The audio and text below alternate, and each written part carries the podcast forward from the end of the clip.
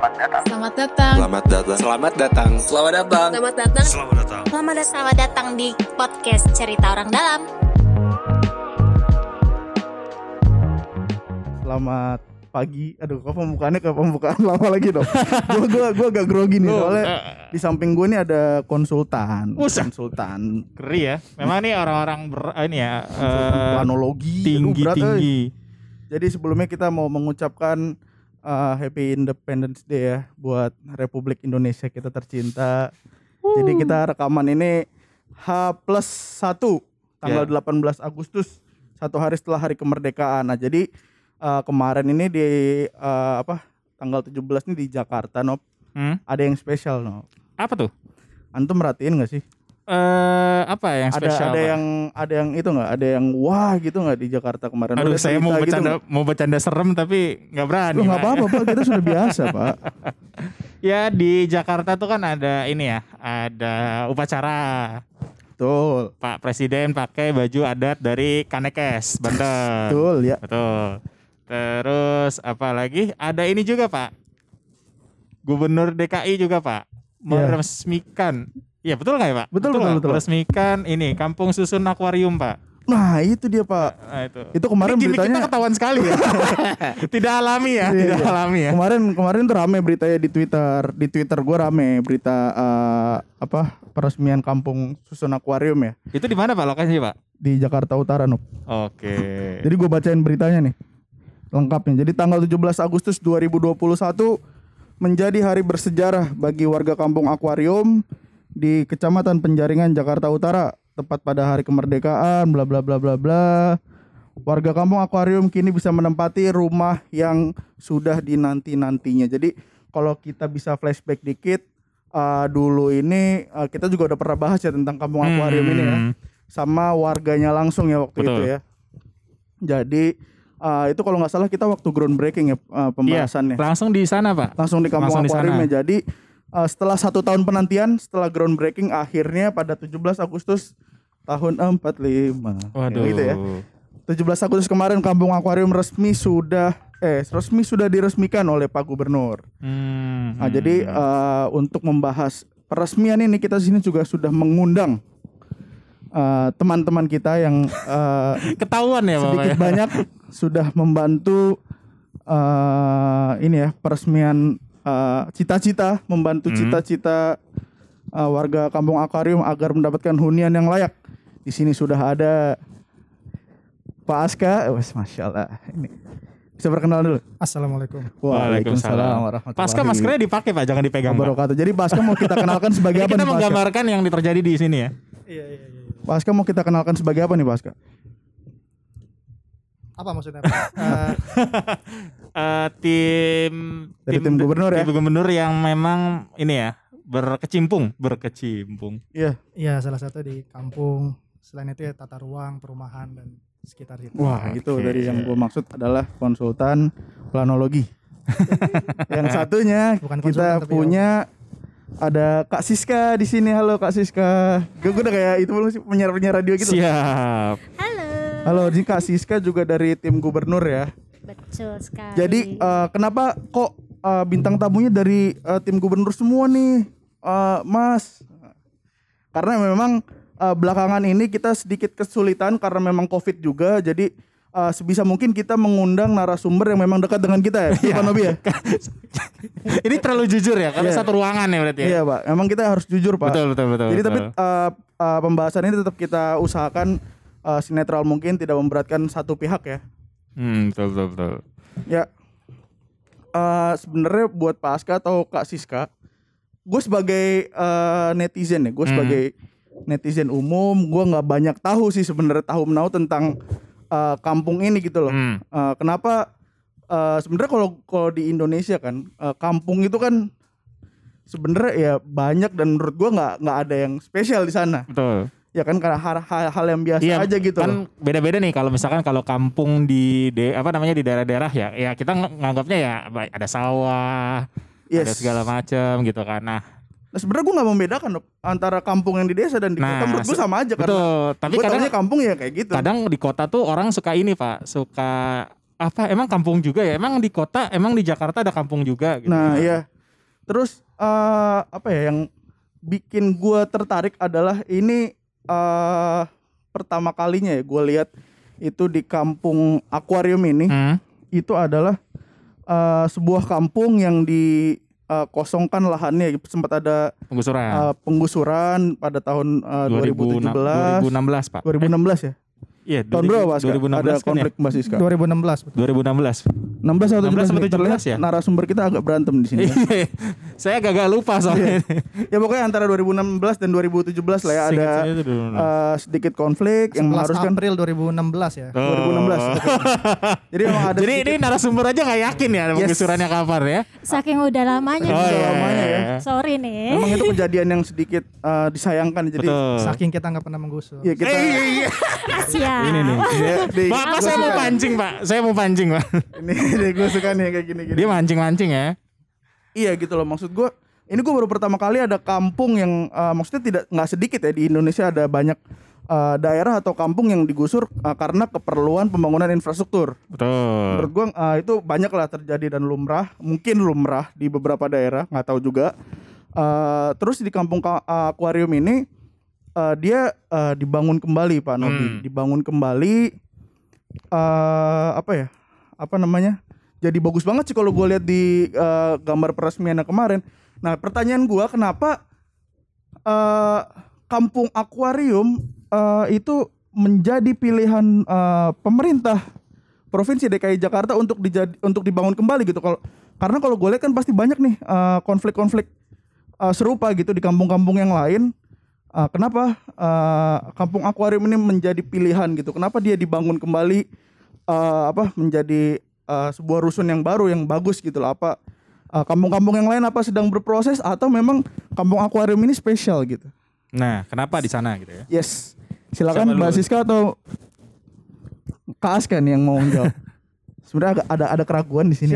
Kita kuatkan hati dulu nggak apa-apa kita kasih waktu Jadi kenapa dipilih akuarium ya Mas Dudit ya? Iya betul Pak Aska Iya.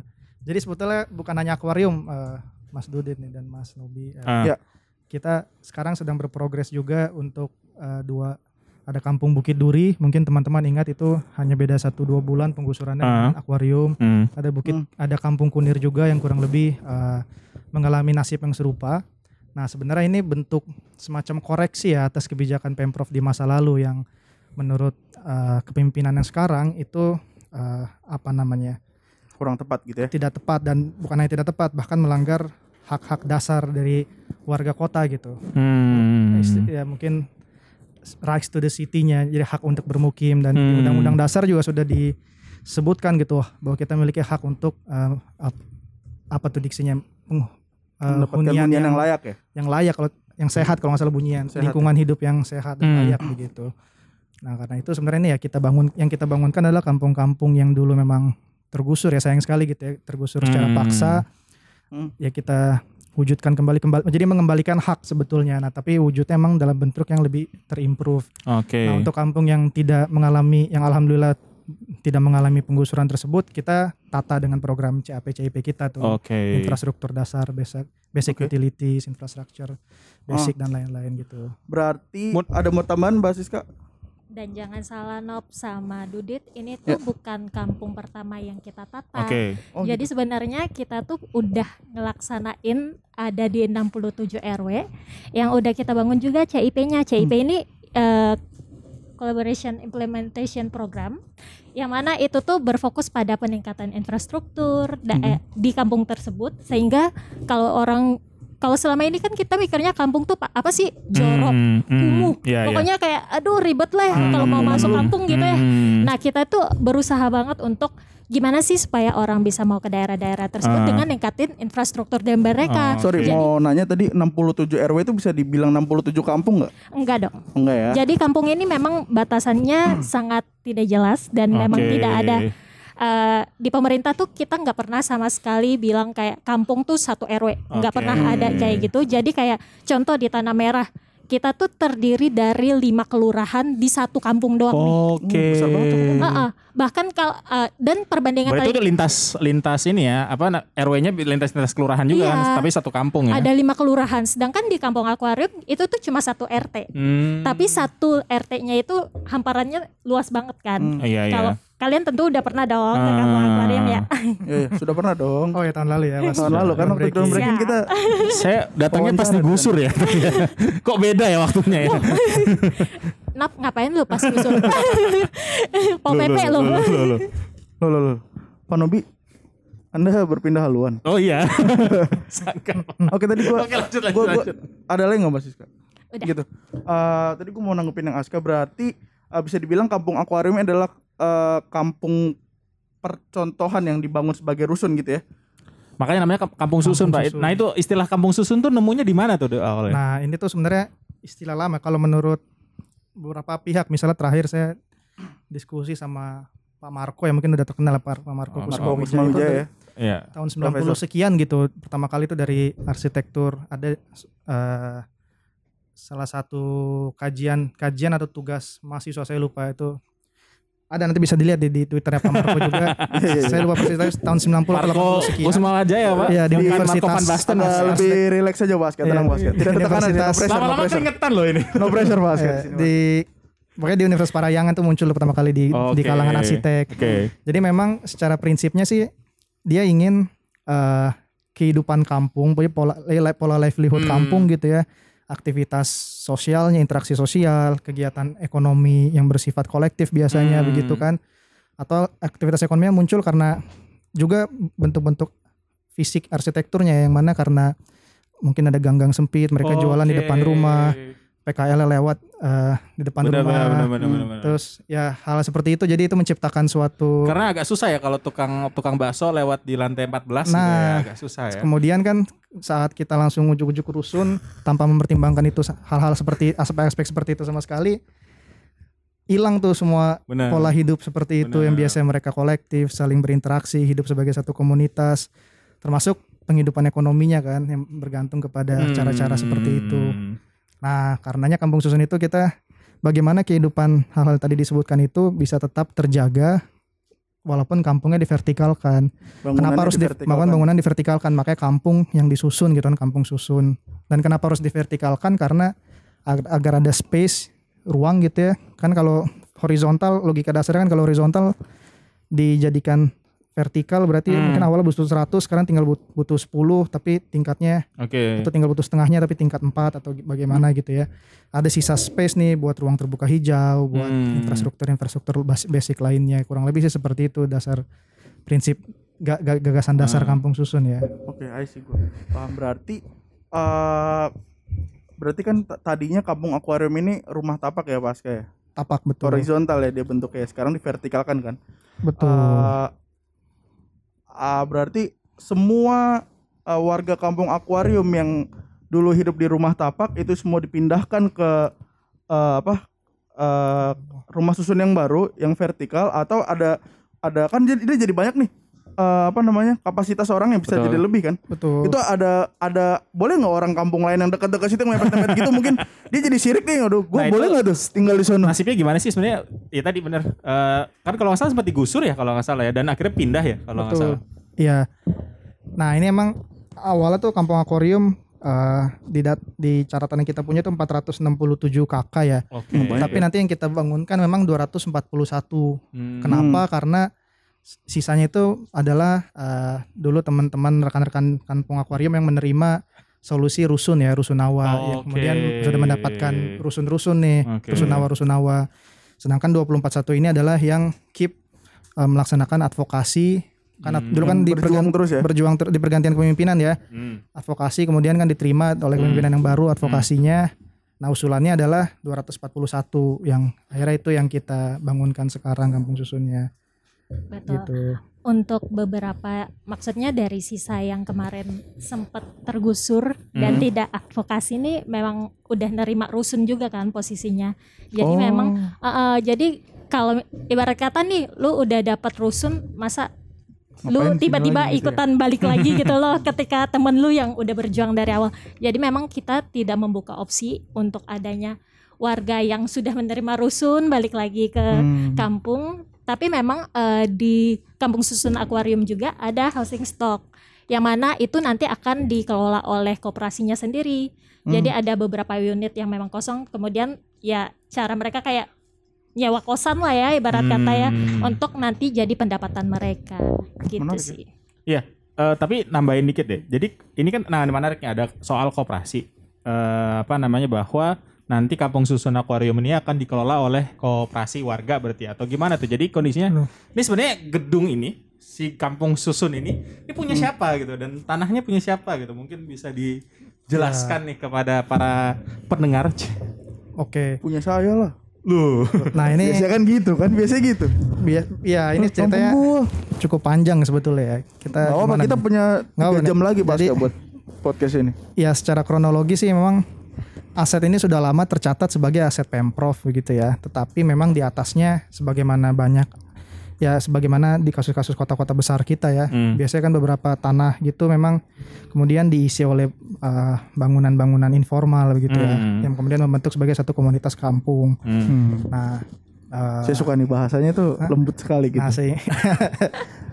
Aman sekali bahasa itu aman gitu. Gue suka-suka. Lanjut Mas ya. Iya, nah kemudian kan memang ya tindak ya di kepemimpinan yang lalu memilih eh, tindakan yang Digusur. melihat hukum secara hitam.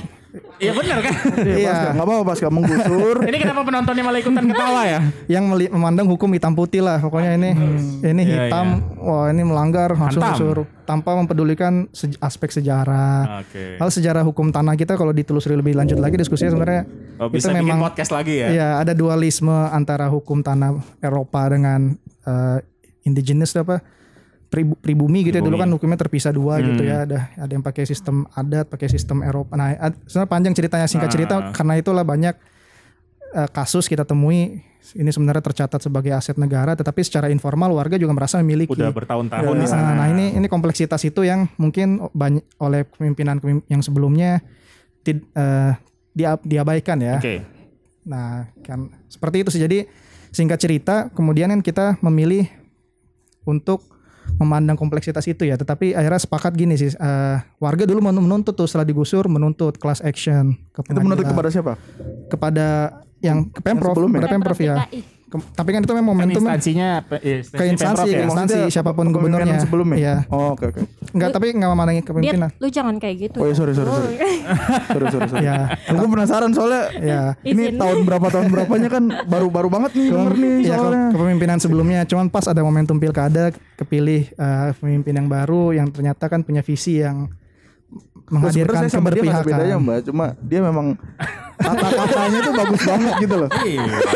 Siap. Silakan mas. Iya, iya, saya, pendidikan tata kota soalnya terbiasa tata kata juga Su- Sudah biasa mentata ya. Biasa Iya iya iya. Lanjut. jadi tanahnya akhirnya warga karena gubernur yang baru eh, memberikan apa namanya assurance gitu ya bahwa kita akan membangunkan kampung lagi bagi bagi warga. Nah, warga kemudian memang mencabut gugatannya sehingga asetnya ya udah tetap tercatat sebagai aset Pemprov. Tanahnya pun didaftarkan air ke BPN jadi ada hak pengelolaan dari HPL ya, HPL atas nama Pemprov. Nah, bangunannya memang karena dibangunkan oleh dana kewajiban yang menurut peraturan gubernur terkait dana kewajiban tersebut eh, setelah dibangunkan oleh developer yang punya kewajiban harus diserahkan dulu ke Pemprov nih Oke. asetnya. Hmm. Nah sekarang udah jadi memang nanti akan diserahkan ya serah terima antara developer ke Pemprov. Nah setelah itu nih kita sekarang masih tahap kajian bagaimana nanti eh, kerjasama atau transfernya dari Pemprov ke koperasi atau warga Oke. koperasi warga bentuknya seperti apa wujudnya seperti apa itu modelnya yang saat ini kita belum bisa jawab karena masih dalam kajian tapi kajiannya bukan kajian sembarangan nih warga men- merekrut pendamping-pendamping ahli hukum kelas wahid begitu ya jadi ada Oh, kalau bahkan warganya bisa itu ya. warganya ini luar biasa. Jadi mereka ini mungkin di podcast tahun lalu ya sudah dengar emang ini jaringan advokasinya luar biasa ya teman-teman aktivis mereka berjejaring eh, dan banyak sekali ternyata ahli-ahli yang bersedia membantu gitu ya eh, atas dasar kesamaan ideologi untuk mendukung perjuangan warga ya. Gak suka nih. Gitu, nah sehingga Oh ini ini ya dead air ya dead air ya. Sehingga dead air gitu ya. karena karena pada nyari bahannya dulu ya. Enggak nih namanya. Lagi nyari nama coy. Sehingga tuh ini ini ini. Ini bagus kalau dapat namanya. Sorry, nih. kita tuh uh, warga lebih tepatnya Hmm. akan dibantu sama LBH Jakarta, terus sama Profesor Dr. Susi Dwi Harjanti, guru besar Fakultas Hukum Unpad nih. Terus Hmm. uh, kita juga bakal dibantu sama uh, Bapak Muhammad Faiz Aziz, pengajar di Sekolah Tinggi Hukum Indonesia Jentera. Oke, Jentera. Kemudian juga ada Mbak Vera Sumarwi yang mana jadi pengajar di Fakultas Hukum Untar. Kemudian yang paling terakhir akan ada Pak Giri Ahmad Taufik, pengajar di Sekolah Tinggi Hukum Indonesia Jentera juga. Gitu sih. Oke. Seperti itu. Sebenarnya satu lagi. Itu ahli-ahli luar biasa. Misalnya Prof Susi itu udah reputasinya luar biasa di dunia hukum sudah Tapi diakui. Jadi kira-kira itu nggak tahu eh, tahu apa nggak itu secara itu ya free gitu ya membantunya. iya karena yang meminta warga ya. Hmm. Belum pernah ada pembicaraan terkait itu sih, tapi mereka yang mendampingi warga. Emang dari dulu dari gugatan awal juga warga didampingi oleh jaringan-jaringan ahli hukum dan Berarti lembaga masih masih banyak ini. yang bisa berjuang tulus, Pak. Nggak, maksud Iya. gue berarti ntar warga. gue kan warga juga jadi suatu saat kalau gue punya masalah gitu mungkin gue bisa dibantu oleh orang-orang seperti itu gitu. Oke gue nanya.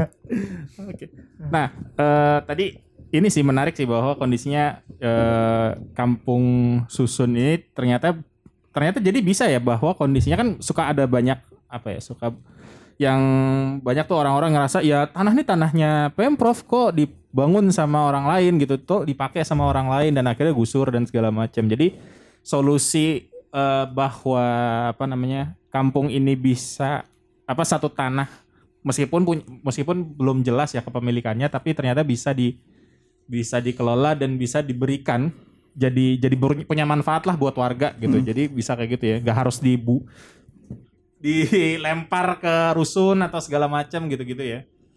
Tapi pemi- pemikiran ini mulainya dari mana sih? Mulanya dari mana akhirnya?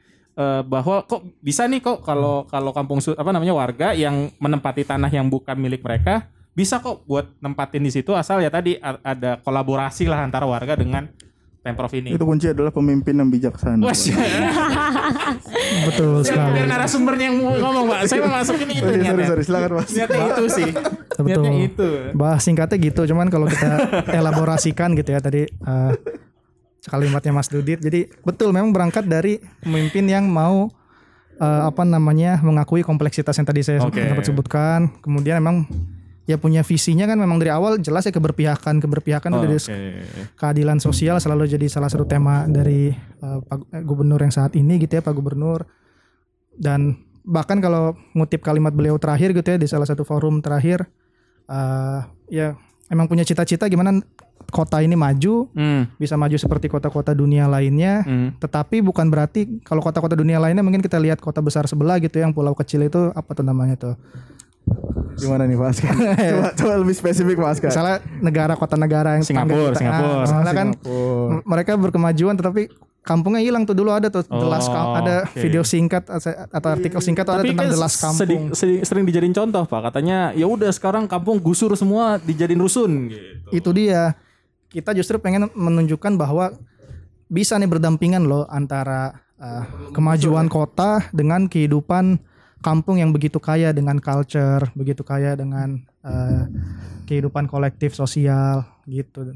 berarti- Seperti itu. Gue pengen nanya. tapi bukan mempertahankan kekumuhannya ya kekumuhan yang kita hilangkan bukan kampungnya itu kalau ba- itu saya kutip bahasa Pak Gubernur ya Berarti eh, kampung-kampung yang tadi eh, di awal disem- sempat disebutin sama Pak Aska itu nanti dibangunnya akan eh, vertikal juga Pak Aska? Atau hanya di eh, apa tadi bahasanya? Di, Mbak Siska mungkin nambahin kali. Oh, direnovasi untuk yang gitu. mm-mm, untuk kampung susun tadi sesuai yang sudah disampaikan oleh Mas Aska itu akan ada tiga kan Bukit Duri, Kunir sama Kampung Akuarium itu akan dijadikan vertikal. Sedangkan untuk lokasi lain kita itu memang mempunyai target tuh ternyata dari hasil BPS tahun 2017 kita tuh punya 241 241 RW kumuh Oke. yang mana kita di tahun kepemimpinan saat ini kita pengennya 200 RW kumuh kita jadiin eh kita ibarat kata keluarkan dari list kampung eh. RW Kumuh itu. Kumuhnya. Sorry. Hilangkan kumuhnya ya. Mm, Iya. Sorry tadi 441. 441. Sorry nih. yang dihilang yang dihilangin kumuhnya ya, bukan RW-nya ya. Tapi gue pernah bacanya 445 ya Pas Iya, kayak. pada sepatu lima. Oh, iya. Gue lagi lebih tahu. Loh, hostnya kan lebih tahu ya. Mas Dudit sudah riset mendalam ya. Iya. Biasa. Ini host Dudin nih kayak Lord tadi ya, ngecek, Iya. ngetes aja ya. ngetes banget dari tadi. Ngetes narasumber ya. Udah baca duh. Iya benar. Yang dihilangkan kumuhnya ya, bukan RW-nya berarti ya. Betul, bukan Iya dong. kan suka ada yang menggusur kampungnya. Oke, lanjut. lanjut Mas Siska. Udah. Kenapa dia kenapa bengong ini? Sudah, sudah, sudah, Kok ganti host? Jadi betul.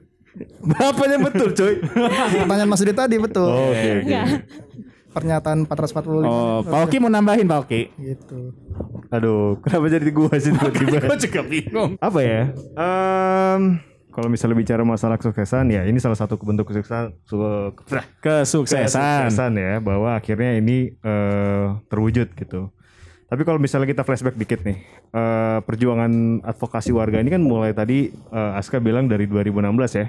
11 April 2016 bener? Iya. Ya. Di catatan kami ya. Oke. Terakhir oke. ya. Iya, 2016 ya gitu Ah. ya.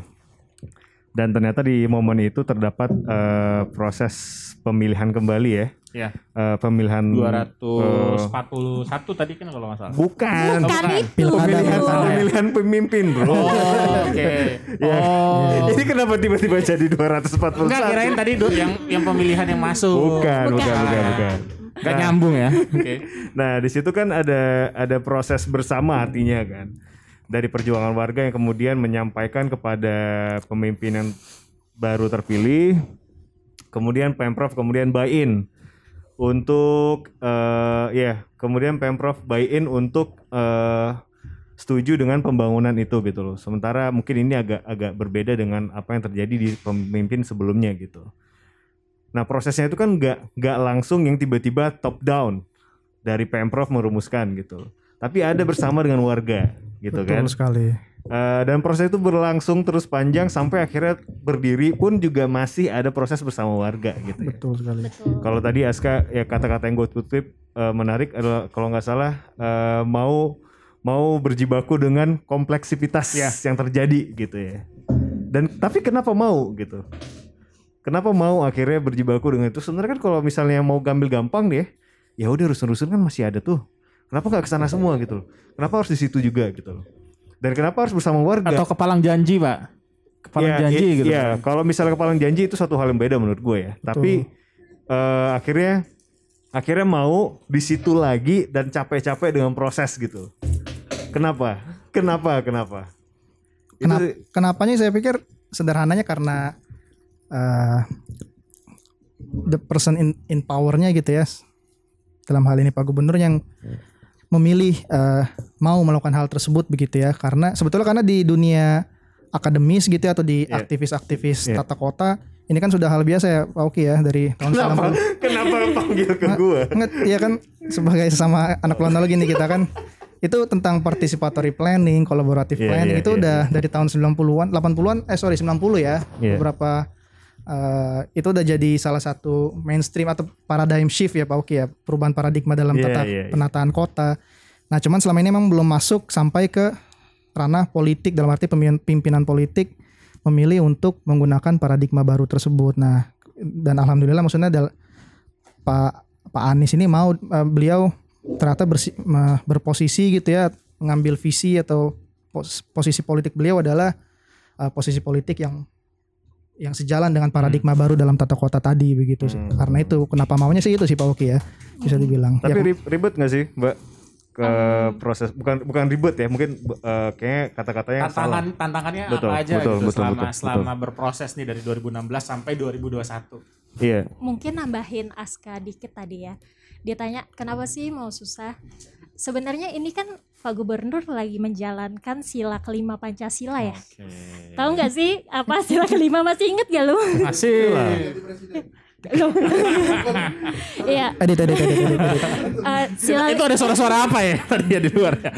ya sila kelima sendiri kan sebenarnya berbunyi keadilan sosial bagi seluruh rakyat Indonesia. Iya. Yang mana ketika lu di ke dipindahkan nih ke rusun ataupun digusur, lu tuh Iya. nggak punya pilihan, lu nggak bisa milih, lu mau nggak mau harus ke rusun, padahal Oke. lu tuh sebenarnya Oke. bisa Oke, untuk oke. yuk Oke. ngomong sama-sama Iya. gimana sih baiknya gue Iya. ibarat kata kayak pemprov gue mau pakai lahan ini tapi ada lu yuk sama-sama bangun daerah ini gue Hmm. butuhnya ada RTH gue butuhnya lu jadi lebih bersih nggak masuk kumuh ya Oke. kita sama-sama bangun yuk dan itu kemudian Oh. yang kayak ditangkap oleh warga kampung akuarium maupun eh, LSM LSM Iya, iya. yang bantuin kita bahwa Iya, iya. semangatnya kita sama nih mau membuat Jakarta yang lebih baik nggak cuma fokus Hmm. pada kelas menengah ke atas Iya, tapi iya, juga iya, iya, kita iya, iya. berfokus pada kelas yang memang perlu untuk diintervensi lebih jauh. Iya, iya, Kalau iya. ditanya em, kendalanya apa, ya pasti banyak lah ya. Apalagi Iya.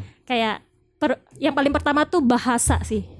Kayak Oke, betul. ketika di pemprov kan lu bahasanya birokrat. Terlalu- iya, birokrat dan Sangat ya. teknis ya. Izin, mohon maaf, izin Iya. Pak saya. Pakai pakai emot tak. Iya, Yes, itu ya kan? dia. Mau narahan, mau narahan. Sedangkan kalau orang ke sorry, kalau masyarakat biasa kan lebih kayak lu mau, gua mau, lu enggak, gua enggak. Iya, kayak iya, langsung to the point. Tapi Iya. kalau misalnya birokrat kan lebih muter-muter ya, Bo. Iya, nah, iya. itu salah satu ya. Eh, kemudian tentu kita kita sangat mengakui sih Iya. eh, data kita ataupun eh, ya data di internal Pemprov masih Iya, rada iya, iya, iya. kacau ya. Jadi kayak ada cerita lucu nih. Pas awal-awal eh, sebelum pas ma- udah mau bikin shelter nih, kita kan lagi Ah, oh nentuin iya, nih. iya. Shelter sementara ya. Iya, Iya. jumlah berapa sih kakak yang masuk ke shelter?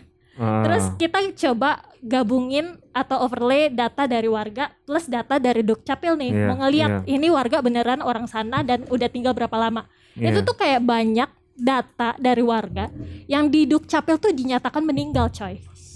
Tapi masih ada. Masih ada. Serius. iya. Biasanya malah kebalik ya, maksudnya di Iya, Dukcapil masih hidup, kebalik. aslinya udah meninggal. Iya.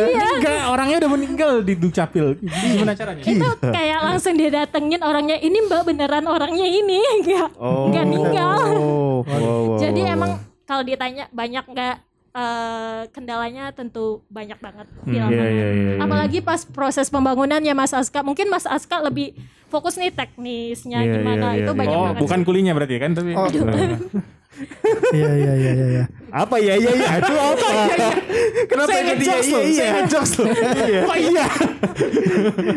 Oke, berarti berarti memang eh, proses ini tidak melibat eh tidak melibatkan eh, power ya. Power dalam artian yang memang top down gitu Iya, ya prosesnya yang yang oke, tak bangun, bangun semuanya sesuai dengan keinginan eh, satu pihak bangun gitu. Enggak begitu ya, tapi emang ada eh, elaborasi ke masing-masing keinginan dan kebutuhan ya dari dari berbagai pihak ya, dari warga sendiri dan juga dari Pemprov kebutuhannya apa ya kata Mbak Siska bilang ya bahwa Pemprov butuh ruang terbuka segala macam gitu ya. Memang ada ruang-ruang yang bisa eh, tidak terbangun seutuhnya gitu dalam artian full bangunan seperti itu.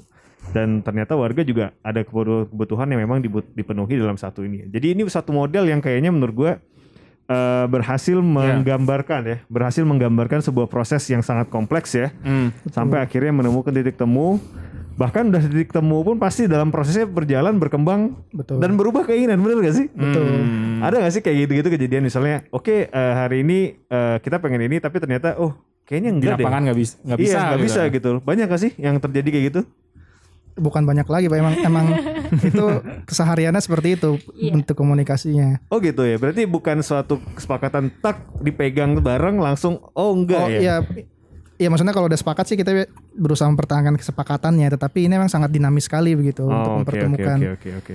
bahkan eh, kalau ditanya kayak desain aja nih Iya. lu kan Nah, itu betul kayak tuh. susah banget ya Ah. Betul betul bikinnya betul betul betul. ini tiba-tiba betul. kayak lu bisa berubah tiba-tiba nih gara-gara menemukan sesuatu hasil dari kajian arkeologi jadi kayak lu mesti Oh. ngulang lagi dari awal segala sesuatu Nah, gitu. itu tuh. Kita udah pernah wawancara ininya ya Pak, Eh, arkeologisnya Pak. Asia. Arke- arkeolog Pernah di ya? sini. Tapi kan nggak bahas itunya. Iya, nggak bahas itunya ya. Nah, iya. tapi maksud gua adalah mau capek di situ ya. Nah, Harus Pak karena tadi kata kuncinya kolaborasi. Oke. Yes. Oh, masuk kata itu. Gue sesekali-kali pengen Apa? dengerin semua episode kita. Iya, dan Kata-kata itu muncul berapa kali? Berapa ya? kali, benar. Gila, gila, gila. Gila. kita bikin kuis, kata itu muncul di menit keberapa? Iya, iya, iya. Jadi saking adanya kan. Ya kolaborasi sebenarnya istilah intinya ya, jargon umumnya. Oke. Tapi maksudnya kalau lebih teknis kan participatory planning biasa Oh, disebutnya. Ya, Perencanaan partisipat. Nah, emang prinsipnya emang harus seperti itu. Jadi tadi seperti yang dijelaskan Pak Siska emang ya keribetannya seperti mempertemukan tadi bahasa benar bahasa Ah. masyarakat dengan bahasa birokrasi nih. Hmm. Terus perspektifnya juga beda nih kalau masyarakat kan eh, perspektifnya ingin membangun hunian secepat mungkin, sebagus mungkin, sesuai keinginan kebutuhan mereka. Sedangkan kalau pemerintah tuh kadang di birokrasi ini kan pokoknya semua harus sesuai dengan eh, tata kelola aturan Iya. yang mungkin terlalu ribet untuk dipahami oleh masyarakat begitu. Apa sih ribet banget sih gitu? Oh, ada permen ini, peraturan menteri ini, permen Iya, menteri iya, itu. iya, iya, iya, iya. PP ini, PP itu, ada pergub ini, itu semua harus di pemerintah birokrasi memang punya kewajiban untuk ya semua semua kita harus menaati hukum gitu ya. Nah, sedangkan warga kan juga keinginannya segera nih kadang pengen cepat. Nah, itu mempertemukan hal-hal seperti itu sih. Iya, iya, iya, iya, iya. Bisa warga udah punya keinginan, taunya oh ternyata menurut permen menteri ini nggak bisa, oh ini gimana tuh dikomunikasikannya. Hal-hal seperti itu sih, emang tantangannya tuh banyak di situ. Berarti kalau gue nangkepnya proses ini tuh yang paling penting adalah komunikasi ya. Iya. Betul Di sekali. antara dua belah pihak ya. komunikasinya aja pun susah karena ini sebenarnya saling belajar ya dulu karena Iya. warganya belajar tadi untuk berinteraksi dengan pemerintah dengan birokrasi dengan eh, apa namanya dunia ke, ke dunia Keruwetan. keri- keribetan lah bisa kita bilang eh, hukum-hukum tata, tata tata regulasi kita yang ada di satu sisi birokrat teman-teman di birokrasi ini terbiasa bayangin ya ini kan baru dari 2017 ya mungkin Iya. mungkin sebelumnya beberapa dari beliau-beliau yang di birokrasi ini yang ditugaskan untuk justru Gusur. menggus mungkin Oke. beberapa ya nggak semua tentu Oke. bayangkan tiba-tiba dapat arahan dari gubernur yang baru justru malah berdiskusi berdialog dengan Disuruh bangun lagi. dengan war dengan warga ini tentu suatu wah perpindahan dari satu ekstrim ke ekstrim satu lagi. Jadi dari di para teman-teman di birokrasinya pun belajar gitu pelan-pelan. Dan kita bisa melihat perkembangannya sih dari awal berinteraksi dengan warga tuh masih Kaku. ya. aku bingung atau merasa ini bukan tanggung jawab dia untuk berdialog dengan warga. Ini urusannya oh ini kan urusan SKPD ini aja Pak Lurah aja nih. Kalau kami yang di dinas enggak misalnya gitu-gitu. Sampai akhirnya sekarang nih udah udah bisa telepon-teleponan gitu kayak Budiani ini bisa telepon nih salah salah satu petinggi di dinas perumahan bu kok ini Oh. gini gini gini Oh, oke. meski oke. memang masih ya kadang-kadang ada salah paham masih terjadi gitu Iya, ya iya. At least ada ada arah ke sana untuk Ada berubah ya. improvement. Iya, iya, jadi iya, harapannya iya, ini iya, jadi satu DNA organisasi yang baru ke depan Oke, bagi oke, pemprov oke, di birokrasi oke, sih oke, oke. Gila, gila, gila. Ini, ini, hmm, gue bisa bilang ini suatu hal yang luar biasa ya. Ah. Karena merubah sesuatu yang udah, udah, udah terjadi kebiasaan ya. Betul sekali. Eh, menjadi suatu hal yang baru. At least melang- satu langkah kecil aja tuh udah luar biasa ya kayak tadi diceritain ya. Kayak misalnya apa sih yang kita ingat dari kalau pas kita kecil nonton berita tentang Pemda pasti Iya. penggusuran gak sih? Penggusuran PKL, penggusuran kamp dari zaman kita kecil kita SD. Hmm, kita, kan- kita. Emang, emang, emang, emang iya. Yang kita, kita seumur, Pak. Iya. Jangan- jangan- Maaf, Iya, iya, iya. gue orang kampung nggak ada penggusuran coy. Iya. Di daerah nggak ada. Gue juga gak ada kak. Dan mungkin salah satu yang dipelajari juga ya, Hmm. maksudnya yang masyarakat mungkin harus belajar adalah belajar percaya lagi sama pemerintah sih. Oh, oke, oke. Karena kan selama ini kayak pemerintah tuh kayak selalu apa sih kayak Iya, selalu stigmanya ini stigmanya ya. Nggak negatif nggak- ya nggak di ngerti lah, nggak ngerti di masyarakatnya seperti apa dan segala macam. Hmm, Iya iya iya. Ya berarti ini eh, selain memang ini suatu perwujudan atas mimpi, ini juga satu simbol bahwa proses itu bisa dijalankan secara Iya. bersama ya. Jadi memang eh, akuarium ini tidak hanya sebuah rumah, tapi ya ini adalah simbol sih menurut Iya. gua ya. Tapi yang menarik kalau menurut gua selanjutnya adalah pro, eh, kalau nggak salah MOU ya, MOU antara pemprov, eh, koreksi ya kalau gue salah ya, MOU antara pemprov dengan koperasi eh koperasi. Konsumen Ka- Akuarium Bangkit Mandiri.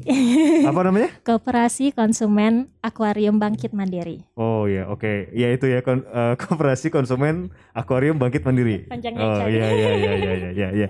Nah, itu tuh kan berarti koperasi itu yang dibentuk oleh mereka sendiri kan? Betul. Bukan bukan orang lain kan? Betul. Bukan bukan suatu unit pengelola yang memang bis, eh, profesional di bidang itu ya. Tapi kenapa? Kenapa memilih itu? Kenapa memilih dengan koperasi? Nah, ini menarik nih. Nah, iya menarik kalau balik ceritain dong. Jadi koperasinya namanya akuari ya Akuarium Bangkit Mandiri ya atau ABM. ABM. Ini saya nggak Oke. tahu apakah kebetulan atau tidak ya ABM atau ABW kalau dibalik M-nya kan jadi Disambung-sambungkan. Gue nyari kan ABM Disambung-sambungkan. apa? Enggak sebenarnya waktu dia bilang itu gue udah masuk deh, cuman jangan arah situ. jangan- Iya, iya, Ternyata sama, benar disampaikan. Iya iya iya. Iya, iya, M-nya iya. dari mana? Gue bilang M-nya dari Iya, mana? iya, iya. Oh, M-nya diputar. Iya iya. iya. sesuai ini Bisa bisa. bisa diedit bisa diedit. Ini menarik sekali Pak. Koperasi ini juga satu ini jadi sebenarnya se- eh, bisa ini kalau gue lihat tuh juga menjadi salah satu revival of koperasi gitu ya kebangkitan koperasi kita. Hmm. Kalau misalnya kita baca undang-undang dasar kan Iya. disebutin tuh nih saya jadi sambil buka nih biar udah lupa Iya, pasal pasal loh, pasal 33 ayat 1 kan perekonomian disusun sebagai usaha bersama berdasar atas asas kekeluargaan. Oke. Nah dal- di tempat yang terpisah tuh ada sebenarnya salah satu ini kan Bung Hatta dulu ya yang Iya. yang ya kebetulan kemarin di Instagram Pak Gubernur juga beliau ternyata punya koleksi buku Bung Hatta yang asli yang dari zaman dulu. Masuk ya bisa ya? t- Tapi gini Pak makanya jadi menurut Bung Hatta uh, makna dari pasal 33 ayat 1 itu adalah koperasi. Jadi eh, apa sih ekonomi kekeluargaan menurut Bung Hatta adalah ko- ekonomi yang berbasis koperasi. Nah, ini sebenarnya satu kebangkitan nih bahwa di dalam wujud urban ya kalau urban ini berarti kan utamanya memang terkait properti ya salah satunya Oke. Iya. di mana pengelolaan properti dalam ini suatu hunian vertikal diberikan pengelolaannya nggak hanya fisik ya pak ya tapi sosial ekonomi juga nih. Nanti mereka bisa di lantai dasar tuh ada buat kios-kios nanti bisa ngembangin Iya. pariwisata. Kan itu dekat luar Batang. Kita juga kemarin Pak Gubernur membangunkan jembatan juga tuh antara Kampung Akuarium dan luar Batang sehingga itu bisa Iya. terhubung terkoneksi. Orang yang mau ziarah bisa lewat Kampung Akuarium dulu untuk nanti mungkin warga kampungnya menjual souvenir sekaligus melihat eh, kampung susunnya lanjut ke ruang, ruang ke kampung luar Batang. Dan semua dikelola oleh koperasi dengan asas kekeluargaan tadi. Jadi ini harapannya sih bisa jadi satu kebangkitan ekonomi berbasis koperasi juga nih dan memang ini jadi cita-cita udah banyak di teman-teman aktivis atau peneliti atau akademisi Iya, gitu iya, ya iya, teman-teman iya, di Urban Puro Konsorsium jaringan rakyat mesin kota di Rujak itu Hmm. memang udah gagasan yang alhamdulillah diterima oleh pimpinan politik tertinggi di Jakarta saat ini gitu sehingga bisa digaungkan lebih luas lagi seperti itu nih Hmm. ngeri, mungkin Mas ngeri, Uki. ngeri, ngeri, ngeri. Oh iya iya iya iya. iya. Nah tapi eh ini gue mungkin pertanyaan awam ya. Eh, pasti Mbak Siska dan Mas Aska lebih paham karena mengikuti proses dari awal ya. Eh kalau koperasi ya, yang gue tahu tuh pasti simpan pinjam, iya kan. Tapi sekarang bentuknya berbeda nih. Eh, lalu memang koperasi itu kan eh, dibentuk oleh warga sendiri. Mereka mendapat mendapat ini nggak sih mendapat eh, training mungkin ya terkait masa pengelolaan seperti apa. Ada nggak sih batasan-batasan yang memang mungkin harus diperhatikan seperti itu kalau dalam proses pengelolaan seperti itu? Atau eh, apakah memang bentuk beker- eh, bentuk pengelolaan yang dilakukan oleh koperasi ini eh, eh, memang bentuk lain cuman tidak populer gitu loh karena kan yang populer sekarang kan kayak misalnya rusun-rusun yang dimiliki oleh pemprov kan ada OPT-nya sendiri Betul. atau apartemen itu ada pengelolanya sendiri ya Eh, meskipun pengelolanya juga umumnya eh, dari penghuni gitu loh tapi dia kemudian menunjuk yang pengelola operasional eh, profesional gitu ya gitu loh. tapi sekarang ini ada satu bentuk yang yang menarik gitu yang yang baru gitu ya. Kayak Aska bilang tadi ini cita-cita sebenarnya dari zaman dulu. Apakah ini sebenarnya bentuk baru atau ini bentar bentuk lama yang tidak populer? Oh bentuk baru atau bentuk lama pertanyaannya itu ya? Ya ya ini bentuk kalau koperasi sendiri tentu bentuk lama itu ide dari tahun abad 20 gitu kan ya Bung Hatta Iya. dari zamannya Bung Hatta. Dan tetapi memang diwujudkan dalam suatu tapi enggak juga sih Pak Oki kalau housing kooperatif tuh udah hal yang biasa di kota-kota di barat gitu kayak Iya, kemarin nih rekan iya. podcast kita kan Mas Angga ke New York tuh kan banyak ternyata di sana tuh eh, housing Iya. nyari perumahan tuh di housing kooperatif gitu koperasi perumahan ya ya Emang, ya, tapi ya. di Indonesia memang ini baru belum menjadi norma gitu ya. Iya iya iya. maksud gue tujuannya ke arah situ. Betul. Gue pribadi belum pernah. Iya, gue nggak nggak mikir di tempat lain gitu karena kalau Indonesia di baru, baru. Berarti ini ini sebenarnya suatu Pendek bentuk, pengetahuan gue baru ya. ya ini berarti suatu sebenarnya bentuk yang lama tapi belum populer aja gitu. Tapi dari kalau Mbak Siska itu mereka tuh sebenarnya dapat pelatihan nggak sih? Eh, sejauh ini sih kita satu untuk dengan internal kita tentu melibatkan dinas operasi koperasi Hmm, hmm. dinas kita sendiri dan yang kedua dari eksternal kita sempat dibantu oleh JPI ya kak ya kalau nggak salah JLL. Ah, ah, itu kita Oh, sempat ada apa tuh? Oke. JPI dan JLL. JPI itu sih institusi eh, skaji studi apa ya studi ter- terkait properti gitulah. Oke.